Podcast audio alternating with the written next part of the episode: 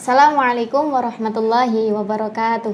Waalaikumsalam warahmatullahi wabarakatuh. Oke, sahabat NU Online, di sini kita di segmen yang ketiga ini uh, masih bersama dengan Ning Firda.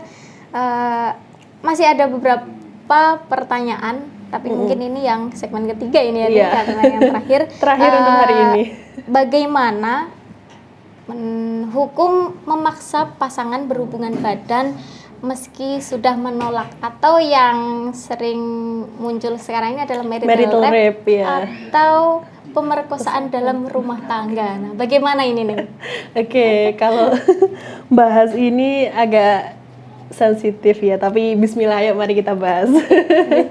Oke, okay, bismillahirrahmanirrahim. Memang dalam kasus apa namanya pemaksaan berhubungan badan ini sering sekali kita mendengarkan uh, uh, apa namanya istilah marital rape yaitu pemerkosaan dalam rumah, rumah tangga, tangga. Uh, pemaksaan atau pemerkosaan oleh istri ke suami ataupun sebaliknya, sebaliknya. Oleh istri kepada suami. Lo apakah ada? Ya ada ini karena pada dasarnya yang namanya berhubungan seksual itu perlu adanya konsen atau kesepakatan dari kedua pasangan bukan uh, salah satu mau, salah satu satunya enggak. Jadi keduanya harus sama-sama mau. Ya. Kalau yang satu yang menolak, kemudian yang satu memaksa itu udah masuk namanya marital rape.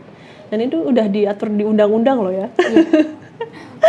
kemudian kalau uh, menurut lembaga uh, fatwa Mesir Darul Ifta itu uh, mengungkapkan para ulama berbeda pandangan ya uh, dalam apa namanya membahas yang namanya pemerkosaan dalam pernikahan. Namun e, lembaga fatwa Mesir ini berpandangan bahwasanya pemerkosaan dalam pernikahan itu terjadi ketika pertama suami meminta istrinya berhubungan seksual selama periode menstruasi. Kan kita sudah tahu ya ketika perempuan istri sedang menstruasi ini kan tidak boleh untuk diajak berhubungan badan itu sudah dijelaskan di Al-Baqarah ayat 222 kan? Yang wayas alunaka anil mahid itu kan. Itu sudah dijelaskan.